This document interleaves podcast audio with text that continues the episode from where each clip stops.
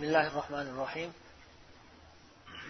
الحمد لله والصلاة والسلام على رسول الله وعلى آله وأصحابه ومن والاه أما بعد السلام عليكم ورحمة الله وبركاته رياض الصالحين kitobidan bobul muroqabaga yetib kelgandik babul muroqaba beshinchi bob muroqaba bobi kuzatish bobi al muroqaba degani kuzatish degani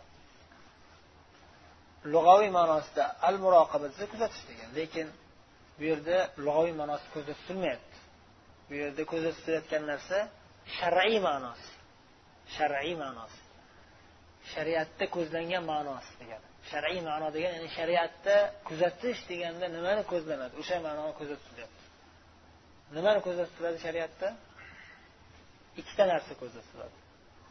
Alloh taolo bandalarning kuzatib turishligi va bandalar alloh taolo kuzatayotganligini kuzatib turishlari kuzatib turishlari eslab turishlari doim. Hozirlab ya'ni e, fikru hayollari hozir bo'lib turishligi qalblari olloh kuzatayotganligini his qilib hozir bo'lib turishligi nima deyiladi? Muroqaba deyiladi. U juda ham zarur narsa. U hayotni ma'nosi hayotimizni mazmuni shu. Ya'ni biz bu hayotda yashash asnoimizda shu hayotda yashashimizda kuzatib turishimiz kerak. Alloh taolo bizni kuzatib turganligini kuzatib eslab yodda saqlab turishimiz kerak doim. Bu eng zarur narsa. Nima foydasi bor buni desa? Nima foydasi bor desa? Buning foydalari juda ko'p. Eng asosiy foydasi alloh taoloni buyrug'ini bajaryapmanmi yo'qmi deb kuzatib turasiz. O'zingizni tekshirasiz olloh mani kuzatib turibdi. Olloh menga ish buyurgandi. O'sha ish qilyapmanmi? Olloh buyurgan ish qilyapmanmi yo'qmi? Olloh kuzatib turibdi. Qilyaptimikin yo'qmi deb. Olloh buyurgan ishni qilishingizga yordam beradi. Alloh taolo meni kuzatyapti deb turib his qilib tursangiz demak alloh taolo sizni kuzatayotgan bo'lsa nima qilishingiz kerak? Olloh buyurgan ishni qilishingiz kerak. Ikkinchisi olloh qaytargan ishdan qaytish bir harom gunoh ish qilishga shahvatingiz nafsingiz shayton vasvasa qilib qiziqtirsa sal iymoningiz susayib shu gunohga endi kirishaman deganingizda alloh taoloni kuzatishligingiz keladi. E, alloh taolo bor tepada. Olloh meni kuzatib turibdi. Bu harom ish olloh harom qilgan. Mana hisob kitobi bor. Deysizda harom ishlardan to'xtaysiz uzoqlashasiz. Demak kuzatishni ikkinchi foydasi. Va boshqa foydalar ko'p eng asosiy yana foydalardan savob ya'ni ibodat bu. Shuni o'zi ya'ni alloh taoloni marhamat kengligini qarangki ollohni kuzatib tursangiz sizga savob yozadi olloh sizga savob yozadi darajalaringizni ko'taradi. Baland maqomlarga eng ulug' maqomlarga ko'taradi. Oddiy musulmonlardan bo'lmaysiz siz.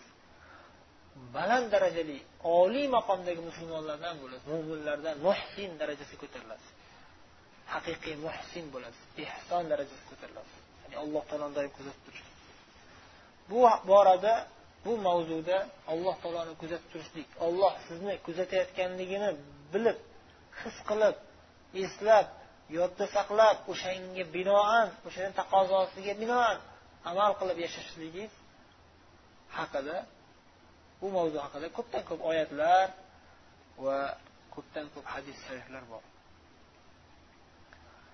shulardan ba'zilarini zikr qilib o'tadilar mana shu bobda قال الله تعالى الذي يراك حين تقوم وتقلبك في الساجدين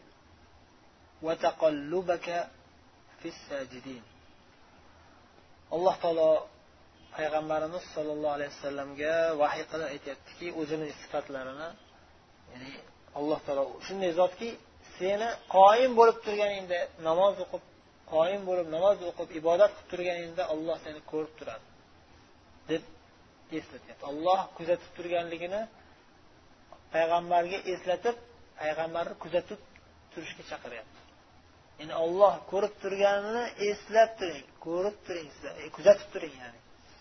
Alloh taolo sizni ko'rib turganligini kuzating sizlar. Shuni eslang yodingizda esingizdan chiqarmang. Siz qoyim bo'lib turganingizda ya'ni olloh ibodat qilayotganda ya'ni siz olloh taologa ibodat qilayotganingizni olloh ko'rib turibdi sizga savob beradi demak. Mandan manga bandam menga ibodat qilyapti deb turib olloh ko'rib turib sizga savob yozadi o'shani bilasiz. Yana ham e, faoliyatingiz kuchayadi qiziqishingiz kuchayadi ibodatga. Tasavvur qiling sizni bir podshoh kuzatib turganini bilsangiz. Kichkina bir shahar hokimi madinani amiri mana shu yerda o'tirgan bo'lsa stolda kuzatib qarab turgan bo'lsa qanday o'tirasiz? Э, shu madinani amirini siz maqtab turganingizni eshitib turib eshitib turgan bo'lsa siz bir kishiga madinani amiri ajoyib yaxshi odam judayam bir yaxshi inson yaxshi amir deb maqtab turganingizni shu yerda eshitib turganini bilsangiz yoki kamera qo'yib qo'yganini shu kamerani kuzatayotganini bilib tursangiz. Qanday qiziqib maqtaysiz? Vaholanki u o'zi kichkina bir odam. Kichkina qo'lidan uni olloh agar taqdir qilmagan bo'lsa hech qanday sizga manfaat ham keltira olmaydi hech qanday bir zarar ham keltira olmaydi sizga. Hech kim emas o'zi aslida u. Lekin baribir inson xursand bo'ladi. Shu narsani bilsa amir mana manga qarayapti. Amir mani kuzatib turibdi manga qarab turibdi. Va men uni maqtayotganligimni eshityapti. Amir eshitib xursand bo'lyapti ya'ni albatta xursand bo'lyapti siz baxtisiz bilan. Alloh taolo sizni alloh taologa ibodat qilib alloh taologa hamd sano aytib alloh taologa namoz o'qiyotganingizni olloh kuzatib turganini his qilsangiz allohni maqtayotganligingizni his qilsangiz qanday qiziq ketasiz ibodatga yana ham ko'proq. Lekin voqeda ko'pchilik teskari. Namoz o'qisa xuddiki qamoqqa kirganday o'qiydi. Tez o'sha qamoqdan chiqib ketay deb pitir pitir pitir pitir namoz o'qib tez qutulay namozdan tezroq borib ishlarimga dunyoviy ishlarimga tezroq boray deb shoshiladi namoz o'qisa. Yoki qur'on o'qisa tezroq tugatib olay deb. Yoki dars qilsa tezroq shu darsdan qutulaydi bular hammasi ibodat agar niyat xolis qilsak. Ollohni zikri alloh taolo kuzatib turibdi eshitib turibdi. Biz shuni his qilsak shu qilayotgan ibodatga yanayam biz qiziqish bilan harakat qilamiz. Va ixlos bilan harakat qilamiz. Mukammal bajarishga harakat qilamiz. Ich ichimizdan xursand bo'lib bajaramiz. Olloh kuzatayotganini bilsak. Demak alloh taolo payg'ambardek zotga eslatyapti. Sizni qoyim bo'lib ibodat qilayotganingizni olloh kuzatib turadi.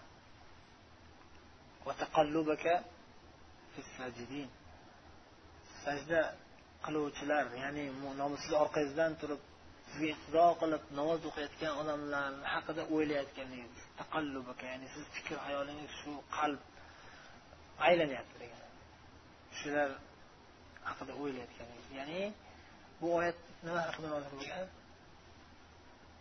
payg'ambarimiz sollallohu alayhi vasallam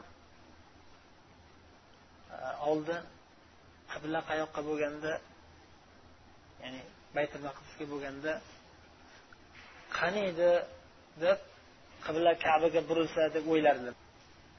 Kabaga burilsa deb orzu qilardilar. Kaba ulug'roqligini bilardilar. O'shani alloh taolo aytyapti biz bilamiz kuzatib turibdi. Demak bu oyat alloh taolo kuzatib turganligiga va shuni bilib turishimizga qiziqtiradi bizni taolo hamma ibodatlarimizni qilayotgan amallarimizni kuzatib turadi. Yana alloh taolo aytadiki yana bir oyatda olloh sizlar bilan birgadir qayerda bo'lsalaringiz ham ya'ni sizlarni kuzatib turadi. Maiya deb qo'yiladi buni. Maiyatulloh ollohni birgaligi masalasi. Bu haqida juda ko'p oyatlar bor. Olloh sizlar bilan birga degan oyat juda ko'p. Olloh sizlar bilan birga degani demak olloh tepadan turib sizlarni kuzatib turadi degani.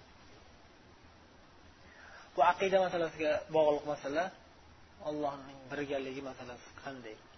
Kayfiyati noma'lum biz bunga qanday iymon keltiramiz? Olloh biz bilan birga degani biz yonimizda o'tiribdi degani emas yonimizda yuradi degani emas.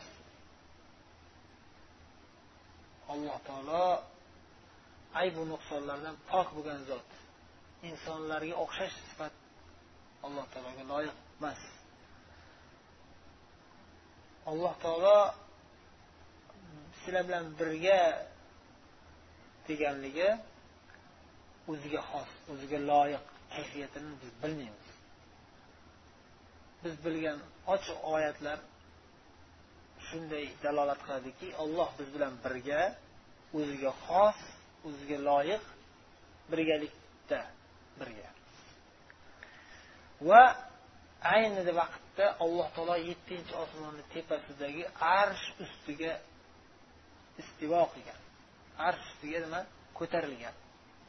Alloh taolo arsh ustida. Yerda emas. Yoki hamma yerda emas. Ba'zilar adashgan toifalar aytganday olloh hamma yerda deydi. Olloh hamma yerda deyishlik bu kufrga olib boradi shu ma'noga olib ketib qoladi. Nimaga? Chunki alloh taolo hamma yerda desa botil ma'nolar qo'shilib ketadi bunga. Shu botil ma'nolardan biri nima?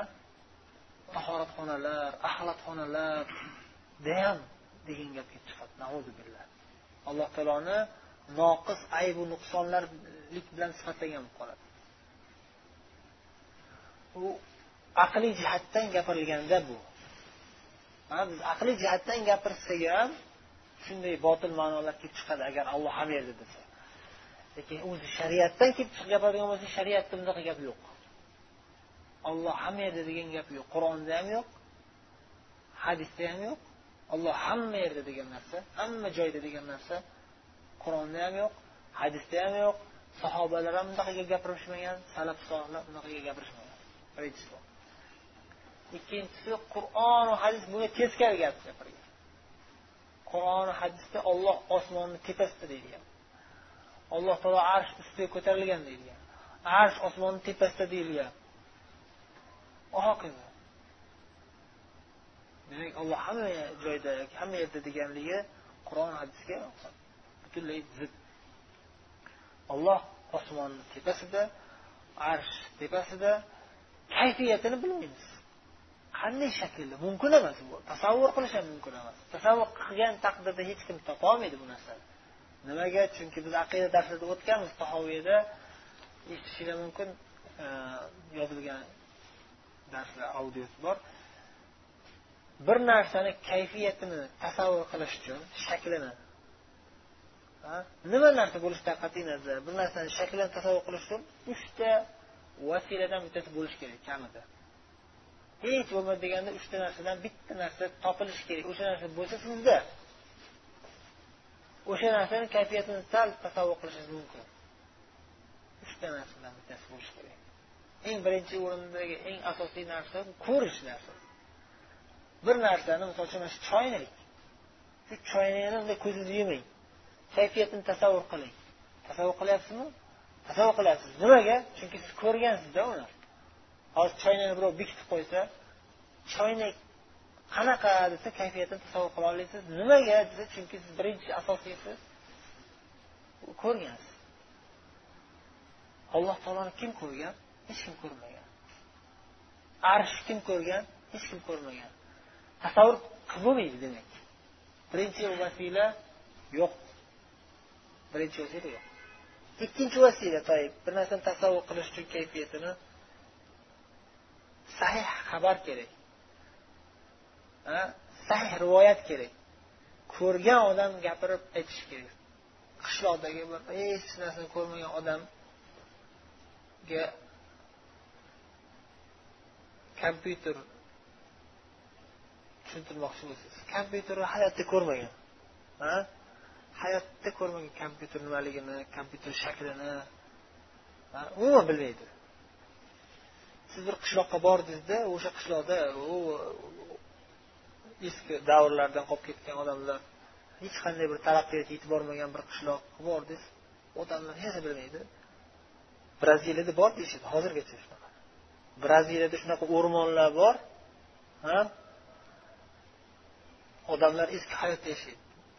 Hozir hukumatlar o'sha joy o'shanday holatda tursin bechoralarni biz texnikalarimiz bilan buzmaylik shularni hayotini. Biz buzilganimiz yetadi. Shu tarixiy yodgorlik bu odamlar shu holatda yashayversin deb himoya qilishadi shu qishloqlarni. Braziliyadagi qishloqlarni. Tepadan uzoqdan kuzatishadi bormanglar yaqinlashmanglar.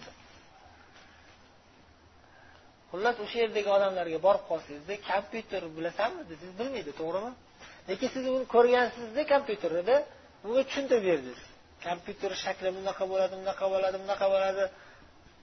Deb tushuntirib berdingiz. Sahih rivoyat unga bordi. O'sha odamga nisbatan kompyuter nimaligini tasavvur qilish mumkinmi mumkin emasmi u eshitgandan keyin sizdan eshitgandan keyin kompyuterni ma'lum bir darajada tasavvur qiladi to'g'rimi? Kimdir ko'rgan odam kelib unga aytdi. Alloh taoloni kim ko'rib kelib bizga aytdi kayfiyatini? Alloh taolo bunaqa ekan bunaqa ekan kayfiyatini kayfiyatini. Kayfiyat bilan bir narsani kayfiyati bilan u narsani ma'nosini aralashtirmaslik kerak. Ma'nosi misol uchun alloh taolo ko'radi eshitadi degan narsa bu ma'no. Ko'radi eshitadi. Alloh taoloni ko'zi bor. Alloh taoloni qo'li bor. Sahih oyat hadisda kelgan bu narsalar. Bu ma'nosi bor to'g'rimi? Alloh taoloni ko'zi bor alloh taoloni qo'li bor. Ko'z degan narsani ma'nosini bilasiz. Qo'l degan narsani ma'nosini bilasiz. Lekin har bir ko'z o'zining egasiga xos bo'ladi. Boshqa bir maxluqni ko'ziga o'xshamaydi. Ma'lum bir darajada bo'lsa ham farqi bo'ladi baribir. U bandalar ichida maxluqlar ichida bo'layotgan narsa o'zgarishi. Chumolini ko'zi bilan insonni ko'zi taqqoslab bo'lmaydi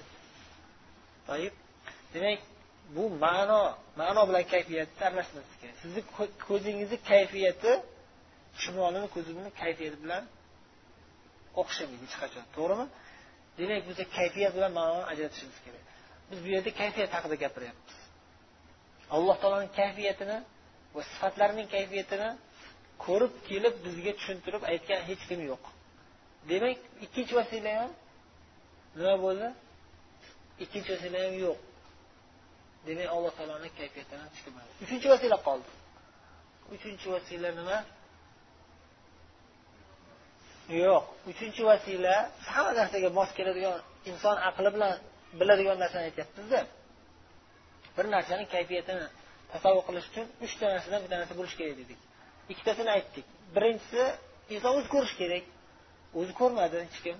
Ikkinchisi ko'rgan odam unga aytib berishi kerak. U ham bo'lmadi. Uchinchisi qoldi. Uchinchi vasila nima desa uchinchi vasila o'xshash narsa ko'rish kerak. O'xshash narsa ko'rish kerak. Ya'ni masalan kompyuterni aytdik boya. Kompyuterni ko'rmagan bir odam sizga kompyuter bor kompyuter degan narsa bor u dedingiz kompyuterga o'xshash narsani ko'rsatmang desa misol uchun siz chizib bersangiz misol uchun chizib kayfiyatini o'xshash narsani. Mana mana shunga o'xshaydi desangiz siz gapirishga ustamassiz misol uchun kompyuter nechun kelsang kompyuter qanday tushuntirsam kelsanga kompyuter kompyuterda deb gapirib tushuntirib berolmayapsiz. Ha bo'pti manga shu o'xshash narsa ko'rsat desa keyin qog'ozga chizib bersangiz kompyuter ekranini kilovatrlarini mana shunga o'xshash narsa desangiz demak bu odam nimani ko'rdi? O'xshash narsani ko'rdi. O'xshash narsani ko'rgandan keyin nima bo'ladi? Ma'lum bir darajada tasavvur qiladi. O'xshash narsa ko'rdi ha demak alloh taologa o'xshash narsa bormi? Alloh allohga o'xshash hech narsa yo'q. Uchta vasila ham yo'q. Demak alloh taoloni kayfiyatini hech kim tasavvur qilolmaydi hech kim tasavvur qilolmaydi hech qachon. Tasavvur qilsa ham topolmaydi hech qachon. Nimaga ollohga o'xshash narsa yo'q. Ya'ni siz bir narsani tasavvur qilsangiz o'sha narsa narsa bu narsa emas bu. Qanaqa shakl tasavvur qilsangiz ham siz chegaralangan sizni bandi chegaralangan. O'shaning uchun biz ojizmiz ya'ni misol uchun hozir devor ko'chadagi narsani ko'ra olmaysiz. Ko'chaga chiqib turib u o'n kilometr yigirma kilometr narsani ko'raman desangiz ko'ra olmaysiz. Ajab ko'zi o'tkir odam bo'lsa yuz kilometr u yog'ini ko'rolmaydi ko'zi cheklangan qulog'ichi qulog'i ham cheklangan aqlchi aql ham cheklangan o'shanga o'xshab hayol fikr aql hammasi cheklangan alloh aytadi ollohga o'xshash hech narsa yo'q. Bir narsani kayfiyatini tasavvur qilib alloh taoloni million milliard odamlar kelib har qancha hayolparastlik qilib topaman desa alloh taoloni kayfiyatini topolmaydi. Nimaga? Chunki cheklangan ular. Aql miyasi cheklangan ojizlar. Hammasi. Gap cho'ziladi bu haqida aqidaga qaytasizlar olloh sizlar bilan birga deganda demak olloh kuzatib turadi sizlarni. Olloh kuzatib turadi ko'rib turadi eshitib turadi bilib turadi. Biror bir narsa ollohdan maxfiy bo'lib qolmaydi. Hamma narsani alloh taolo ko'rib kuzatib bilib turadi. Maiya allohning birgaligi bu haqida oyatlar ko'p. Tafsilotga kirsak darsimiz uzayib ketadi. O'shaning uchun aqidaga qaytadilar chunki maiyani darajalari bor. Oliy darajasi bor. Sal quyiroq darajasi bor. Umumiy darajasi bor. Hamma musulmonlarga birgaligi bundan ham quyiroq yana ham umumiyroq darajasi bor. Hamma bandalar bilan birgalik mana shu o'sha haqida bo'lib ketyapti. Ya'ni alloh taolo butun koinotda bo'layotgan hamma narsa bilan birga. Ya'ni hammasini kuzatib turadi degan mana shu umumiy eng umumiy ma'nosi. Demak mayya haqidagi qisqacha ma'lumot shunday. Keyingi oyatga o'tamiz. Alloh taolo aytyaptiki alloh taologa yerda ham osmonda ham hech narsa maxfiy bo'lib qolmaydi. Hamma narsani kuzatib turadi olloh bu o'sha bob muroqabaga taalluqli. Hech narsa alloh taolodan bekinib qololmaydi hech narsa alloh taolodan bir chekkada bekinib qolib ketolmaydi maxfiy bo'lib qololmaydi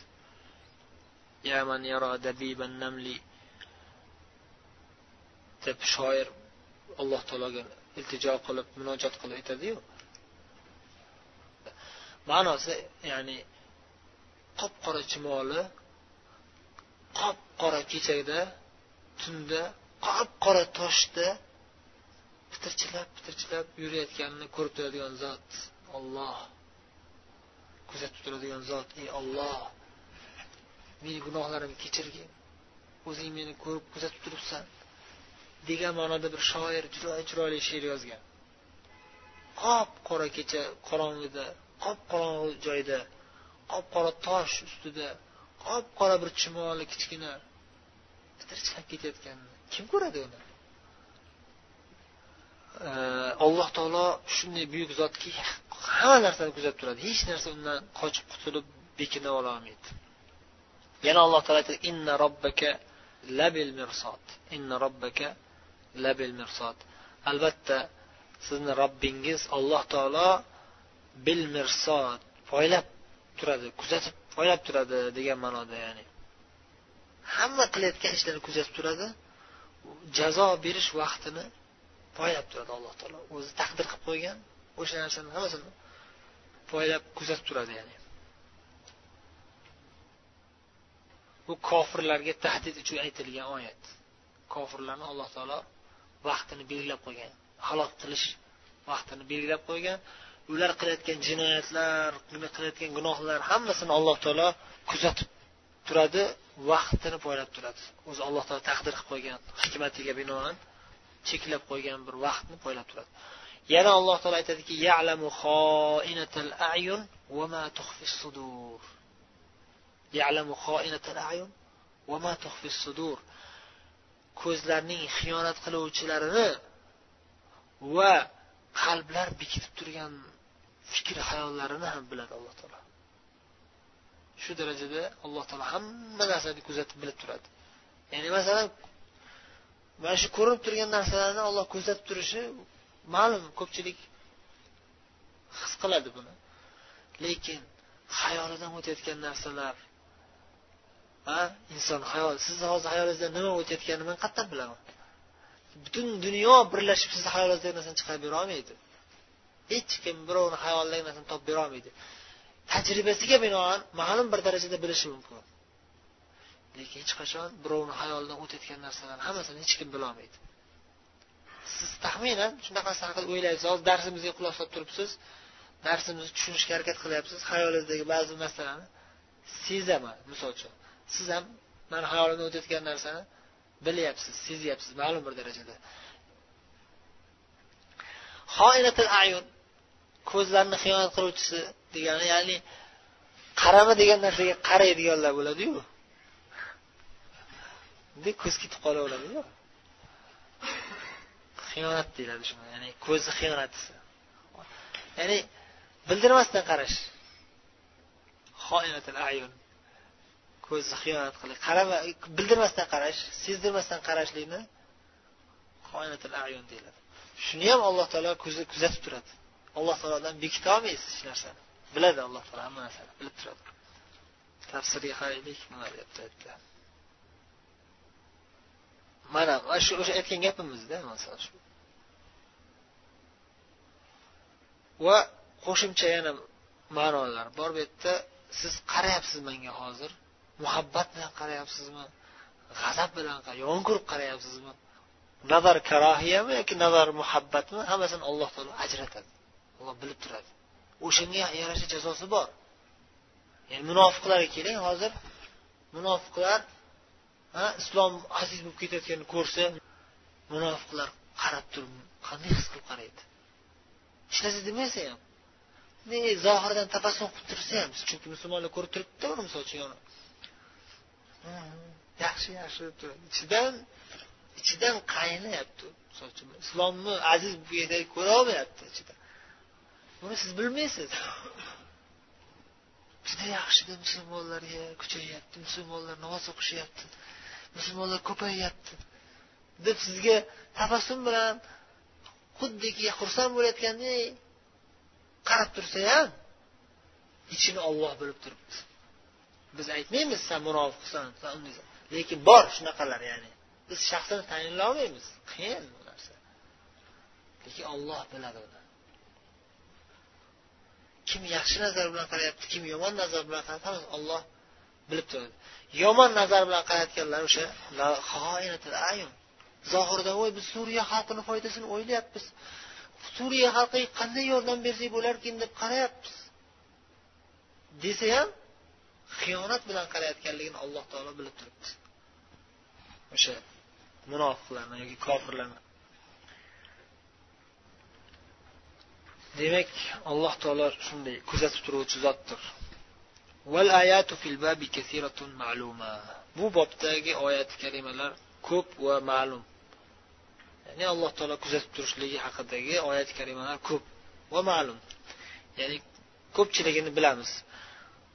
shu jumladan olloh siz bilan birga degan oyatlar ko'p qur'onda bugun shu bilan kifoyalanamiz chunki bu bobdagi birinchi hadis uzun hadis va ko'pchiliklar bilasizlar bu hadisni keyingi darsga qoldiramiz inshaalloh keyingi darsda o'tamiz سبحانك اللهم وبحمدك نشهد أن لا إله إلا أنت نستغفرك ونتوب إليك